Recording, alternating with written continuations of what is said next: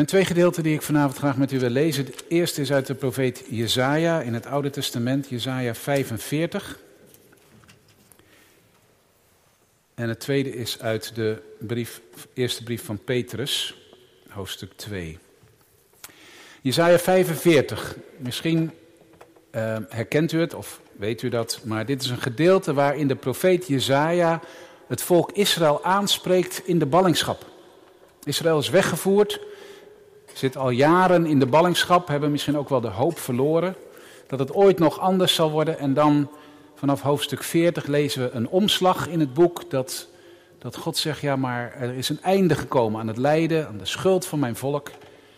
En ik ga terug, terug naar Jeruzalem. Ik keer terug.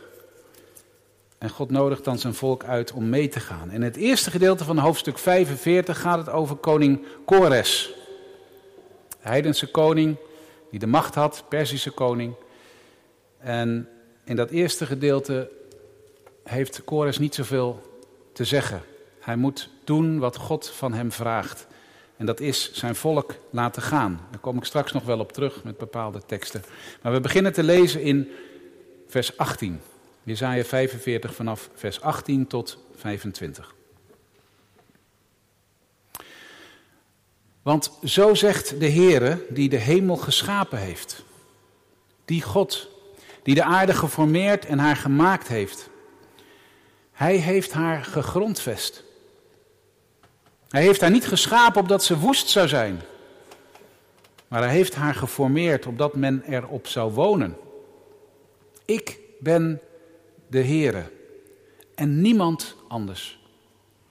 Ik heb niet in het verborgene gesproken, in een duistere plaats op aarde. Ik heb tegen het nageslacht van Jacob niet gezegd, zoek mij te vergeefs. Nee, ik ben de Heere, die gerechtigheid spreekt, die bekend maakt wat billijk is. Verzamel u, kom, treed tezamen naar voren. U die bent ontkomen aan de heidenvolken. Zij weten niets. Zij die hun houten beelden ronddragen, ze zijn dwaas. Of die een God aanbidden die niet verlossen kan. Maak bekend en breng naar voren, ja, beraadslaag samen. Wie heeft dit van oudsher doen horen? Wie heeft dat toen, van toen af bekendgemaakt? Ben ik het niet, de Heere? Buiten mij is er geen andere God. Een rechtvaardige God, een heiland. Er is niemand behalve ik. Daarom wend u tot mij, keer u tot mij, alle volken, alle einden der aarde, en word behouden. Want ik ben God en niemand anders. Ik heb gezworen bij mijzelf en uit mijn mond is in gerechtigheid een woord uitgegaan en het zal niet terugkeren dat voor mij elke knie zich zal buigen en elke tong mij zal beleiden of bij mij zal zweren. Voorzeker, in de Heere, zal men van mij zeggen, zijn rechtvaardige daden en kracht. Tot hem zal men komen. Maar zij zullen beschaamd worden, allen die tegen hem in woede ontstoken zijn. Echter in de Heere zal gerechtvaardigd worden en zich beroemen heel het nageslacht van Israël. Tot zover de lezing uit het Oude Testament. Wij lezen verder in de eerste brief van de apostel Petrus. En daarvan hoofdstuk 2. 1 Petrus 2. We lezen vanaf vers 21 tot 25. In een hele andere context.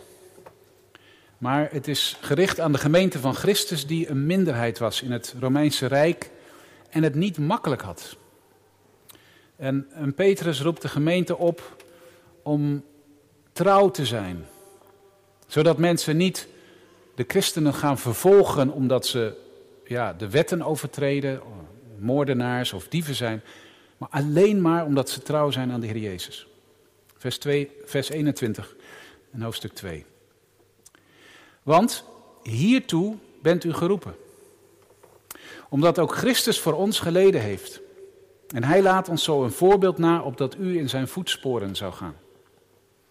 Hij die geen zonde gedaan heeft en in wiens mond geen bedrog gevonden is. Die toen hij uitgescholden werd, niet terugschold. En toen hij leed, niet dreigde. Maar het overgaf aan hem die rechtvaardig oordeelt. En die zelf onze zonden in zijn lichaam gedragen heeft op het hout, opdat wij voor de zonde dood, voor de gerechtigheid zouden leven. Door zijn striemen bent u genezen. Want u was als dwalende schapen, maar u bent nu bekeerd tot de herder en de opziener van uw zielen. Tot zover de lezing uit de Bijbel, uit de schrift vanavond. U bent zalig, u bent gelukkig als u het woord van God hoort en er ook met heel uw hart uit leeft. Ik wil met u, zei ik al, nadenken over het thema keren, bekeren, terugkeren. En dat doen we vanuit Jesaja 45, vers 22. En daar lezen we: Wend u tot mij, keer u tot mij, wordt behouden, alle einden der aarde, want ik ben God en niemand anders. Gemeente van onze Heer Jezus Christus. Het is van ouds in de kloostertraditie een gewoonte geweest om een levensregel te hebben. Dat wil zeggen een, een aantal regels, afspraken, gewoonten die in het klooster gehanteerd worden om vorm te geven aan het leven met God en met elkaar. En zo heeft elk klooster, Benedictijnen, Norbertijnen, noem maar op, hebben hun eigen regel zou je zeggen. Een belangrijk element in zo'n kloosterregel is het dagelijkse ritme. Een kloosterregel kent een aantal, ja, je zou kunnen zeggen, markeringspunten op de weg van het geloof.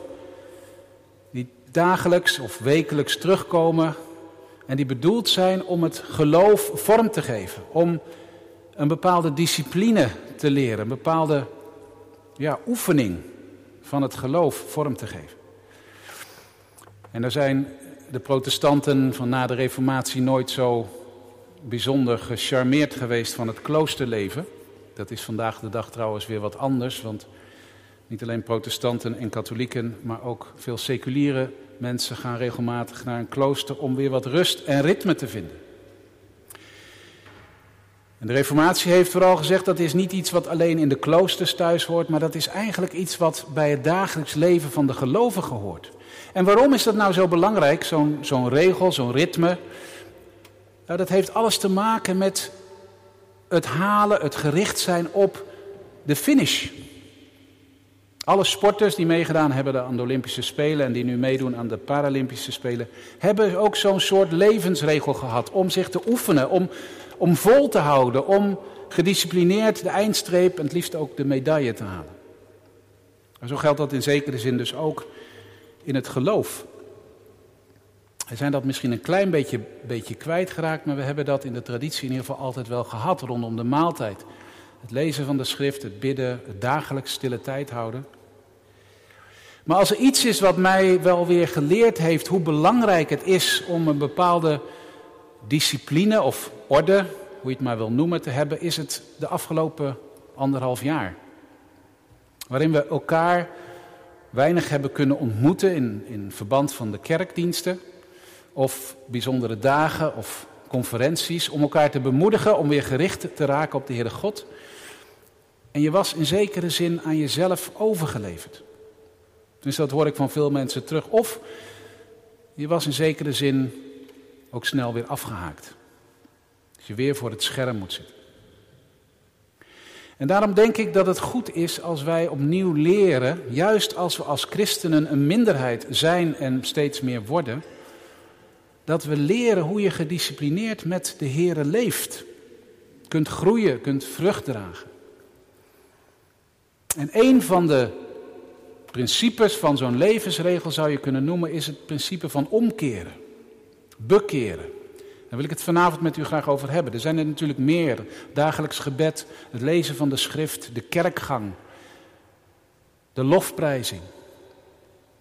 Vanavond wil ik het met u hebben over de omkering, het bekeren. Dat is eigenlijk het basisprincipe, het uitgangspunt voor het leven op de weg met God. Het leven dat uiteindelijk vrucht draagt. En daarom heb ik deze tekst gelezen uit Jesaja 45, waarin God ons ook oproept om om te keren. En toen ik hiermee bezig was, viel het me op hoe ongelooflijk vaak er in de Bijbel opgeroepen wordt tot omkeer. Telkens weer, je moet het thuis maar eens nalezen of op, opletten. Telkens weer komt er die oproep om terug te keren van verkeerde wegen naar de weg van God. Om terug te keren naar het verbond. Om terug te keren naar de Here. Om te blijven en terug te keren naar God die het volk Israël uit Egypte heeft bevrijd. Om geen andere goden te hebben, maar alleen de Here. En deze tekst, ik zei het net al, is geschreven in de ballingschap. In de tijd van de ballingschap wordt Israël aangesproken, in ieder geval. En zegt de Heere God, het is voorbij de ballingschap. Ik ga terug. Ik keer terug naar Jeruzalem en daar zal ik weer heersen, koning zijn. En ik nodig jullie uit, ik roep je op om mee te gaan, om je om te keren en achter mij aan te gaan. En als je het niet doet, ga ik toch. Israël zal bevrijd worden, de hele wereld zal bevrijd worden.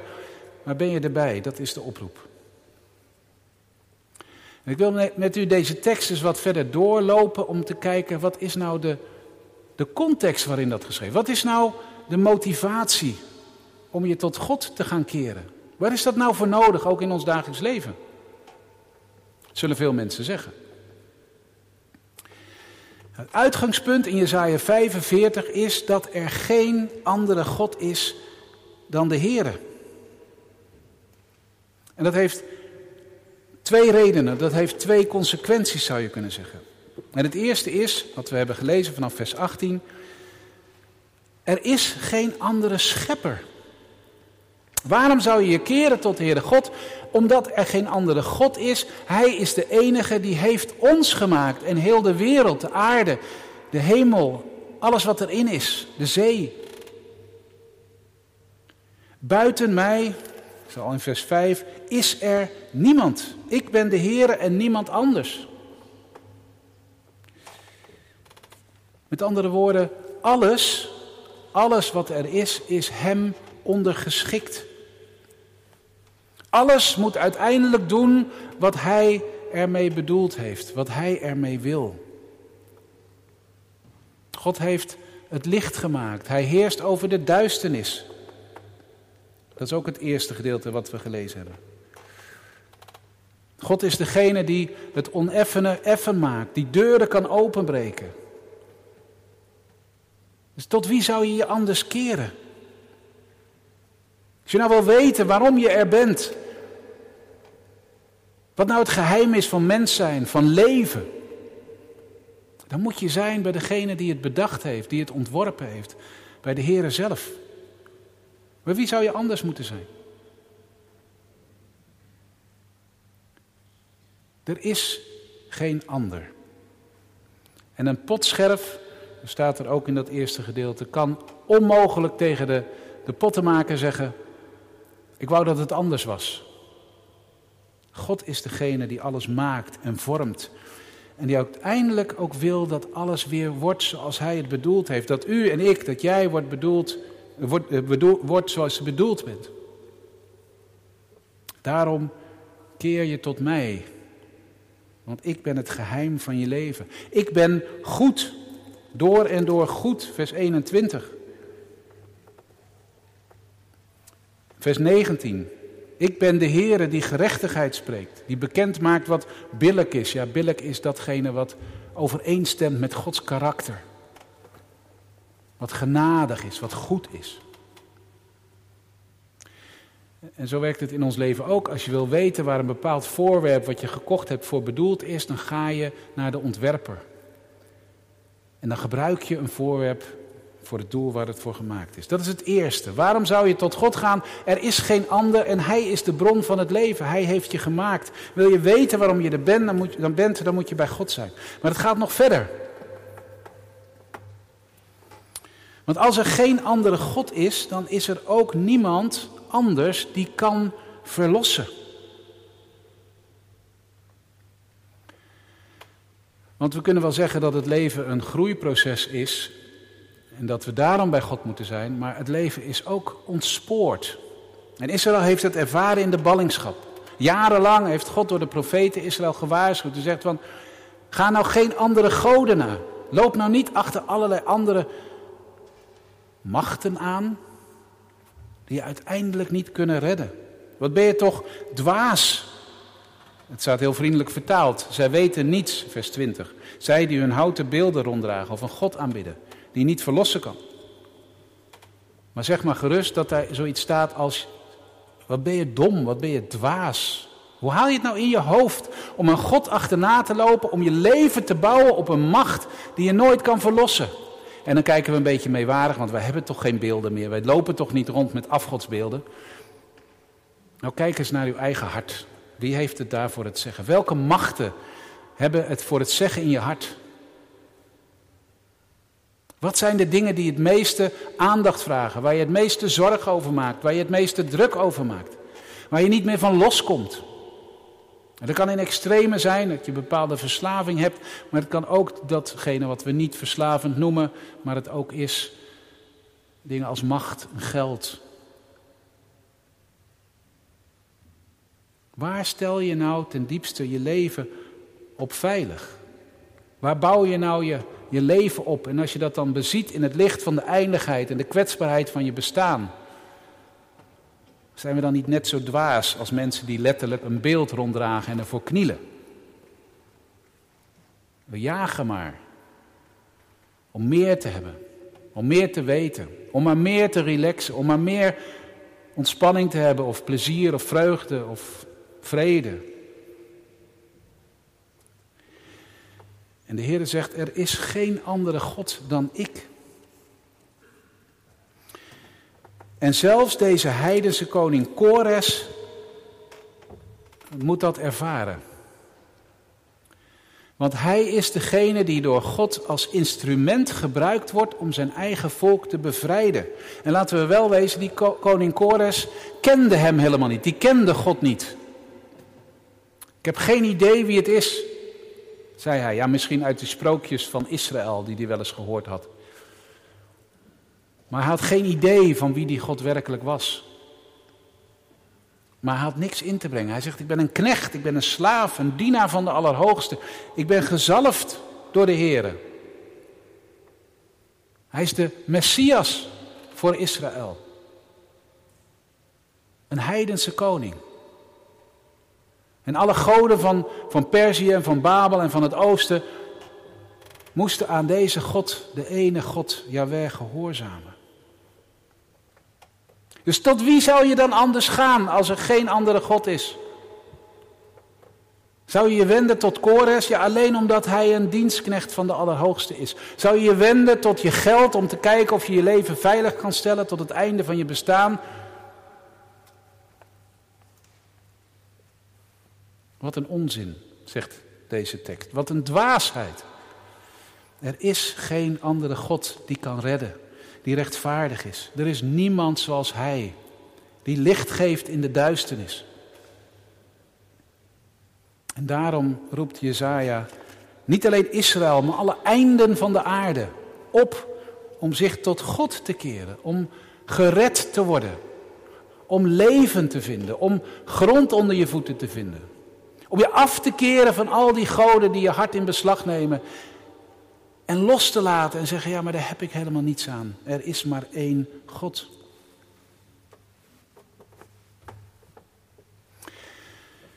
En weet u wat nou zo mooi is?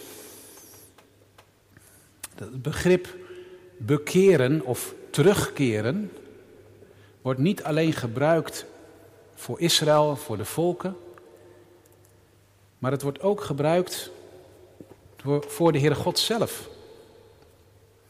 Ik lees twee korte gedeelten daarbij.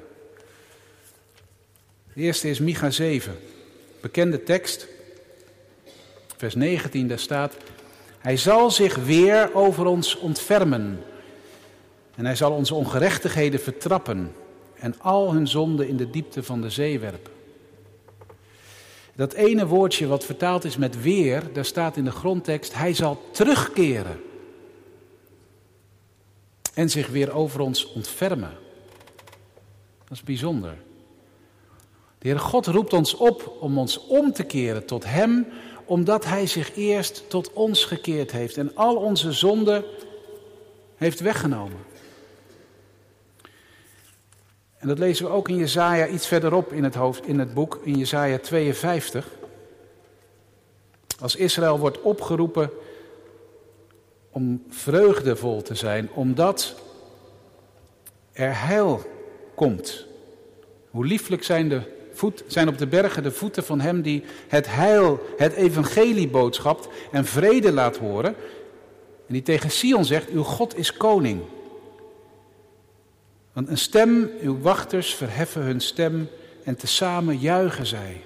Want zij zullen het zien, oog in oog, als de Heer terugkeert naar Sion en daarmee terugkeert naar zijn hele schepping. Breek uit in gejubel, puinhopen van Jeruzalem, want de Heere heeft zijn volk getroost en Jeruzalem verlost. En dat is gebeurd toen Christus geboren werd. In Christus Jezus keerde God zelf terug naar zijn volk. En, en niet alleen naar zijn volk om het volk Israël te redden, maar door Israël naar heel de wereld, naar heel de schepping, tot het einde van de aarde. Toen keerde God terug tot zijn volk. En hij droeg onze zonde tot op het hout. Hij keerde niet zomaar terug, maar hij keerde terug in onze plaats. Om alles wat, ja, wat ons heeft afgeleid van de Heere God, alles wat ons van Hem vandaan heeft geleid, op zich te nemen. De schuld, de gebrokenheid. Om al die machten die ons hart in beslag nemen, stuk te breken. Om te laten zien, te ontmaskeren dat al die machten geen enkele macht hebben om ons werkelijk leven te geven. Die ons alleen maar vasthouden.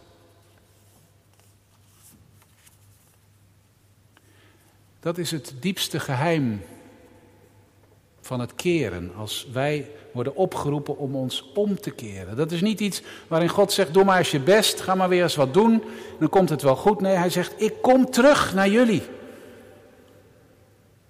En daarom roep ik jullie op om terug te keren naar mij. Want als er nou geen andere God is, op wie zou je dan vertrouwen? Aan wie zou je dan je leven toevertrouwen? En als deze God de God is die terugkeert naar zijn schepping, naar ons, tot wie zou je dan gaan? Waarom zou je het duister verkiezen boven het licht? Dat is het fundament waar het vanavond over gaat. Maar wat heeft dat nou te maken met zo'n regel van het geloof, zo'n oefening, een discipline? Om zelfs in moeilijke tijden, corona of in je eigen leven, het maakt niet uit wat er op je weg komt soms, maar om vol te houden, om, om moed te houden. Om te blijven groeien, in plaats van langzaam weg te zakken. Hoe oefen je dit? Nou, keren heeft twee kanten, zou je kunnen zeggen, twee aspecten. Je omkeren heeft in de eerste plaats een, een groot en eenmalig effect. Het is iets wat eenmalig gebeurt. Dus wat wij de bekering noemen met de wedergeboorte. En dat is, dat is als het ware dat je je omkeert van de weg van God af naar de weg naar God toe. Dat je je leven niet meer leeft van God af, maar dat je je omkeert en radicaal de andere kant op gaat leven. Dat je je afkeert van zonde en gebrokenheid, van opstand tegen God. En, en u weet, denk ik, hoop ik, dat, dat zonde ten diepste betekent dat je zelf het middelpunt van de wereld geworden bent. Dat je leeft voor jezelf. Dat je zelf bepaalt hoe het leven eruit ziet. Zelf de touwtjes in handen hebt. Dat je leeft alsof de wereld voor jou geschapen is. En, en de rest kan het vergeten. Wel een beetje de wereld waarin wij leven. Maar dat is de essentie van zonde. En, en de vraag is nu of wij ons willen afkeren van het leven voor onszelf. Zodat God het centrum van ons leven wordt. Hij zegt, u heeft ons gemaakt, wij zijn gemaakt voor u. En ons hart blijft onrustig tot het rust vindt in u, tot u weer het centrum van ons leven bent. Jullie dwaalden als schapen, zegt Petrus. Schapen die maar wat rondliepen in de duisternis, bij de afgrond, zonder voedsel. Maar jullie hebben je omgedraaid, jullie zijn omgedraaid en volgen nu de herder. Dat is één aspect van je omkeren. En, en misschien is dat iets wat u nog nooit gedaan heeft in uw leven.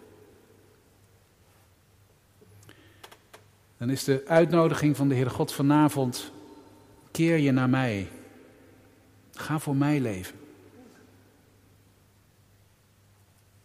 Dat kan elk moment. Maar keren heeft ook nog een andere kant.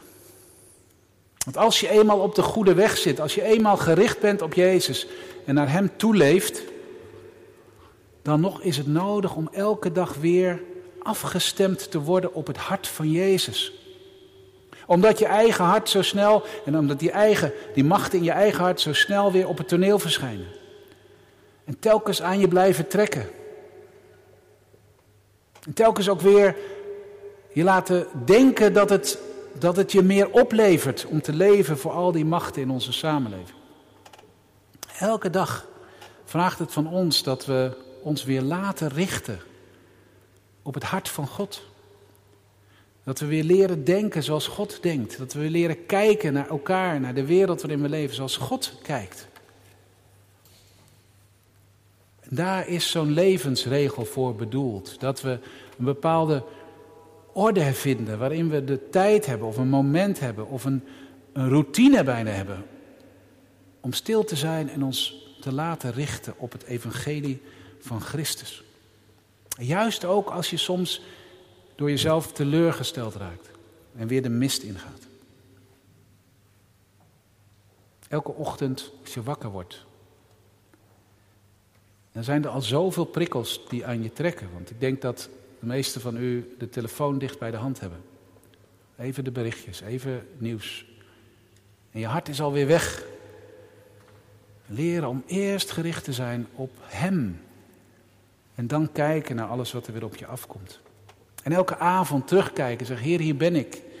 Ik wil zo graag leven voor U, maar ik beleid U dat het in verschillende opzichten niet gelukt is. Maar hier ben ik. Vergeef mijn schuld en Hernieuw mij. Vergeef mijn egoïsme. Weet u wat ik zo'n mooie bloem vind? Dat is de zonnebloem. Dat is misschien wel mijn favoriete bloem. Niet omdat het de meest verfijnde bloem is, maar u weet waarschijnlijk dat in ieder geval jonge zonnebloemen altijd het licht volgen. Ze groeien zo dat ze s'morgens, s'middags en s'avonds naar de zon gericht zijn. Ik vind dat zo'n mooi beeld. Want uiteindelijk is het de zon, Christus, de zon der gerechtigheid, die ons leven telkens weer naar Hem toe wil trekken. En in al onze onmacht is het enige wat Hij van ons vraagt dat we ons in de zon laten opstellen, dat we in de zon gaan staan, ons laten beschijnen, zodat Hij door Zijn geest zijn werk kan doen. En ook dat we daardoor die zon gaan weerspiegelen. Want daarmee eindig ik. En daarmee eindigt ook uh, Jezaja. Of tenminste, in ons hoofdstuk gaat het, loopt het daar ook op uit. Jezaja 45. Uiteindelijk zegt de Heer. Ik heb gezworen bij mijzelf. Uit mijn mond is in gerechtigheid een woord uitgegaan en het zal niet terugkeren. Vers 23. Namelijk dat voor mij elke knie zich zal buigen en elke tong bij mij zal zweren. En dat komt terug in de brief van de apostel Paulus, Filippenzen 2. Dat Jezus zich vernederd heeft, mens geworden is. Opdat uiteindelijk, door zijn kruis en opstanding, elke knie zich voor hem zou buigen. En elke tong zou beleiden, zou zweren dat Jezus de Christus is. Maar hoe kunnen zij horen, zegt Paulus, als zij het niet zien in ons en niet horen van ons? Als wij in het licht gaan staan, is dat tot zegen van onszelf, ontvangen wij het leven. Maar worden we ook een spiegel van het licht van God voor anderen. Omdat uiteindelijk elke knie zich moet en zal buigen voor Koning Jezus. Keer u tot mij, ook in Gouda. Laat u behouden, want er is geen God dan de Heer. Amen.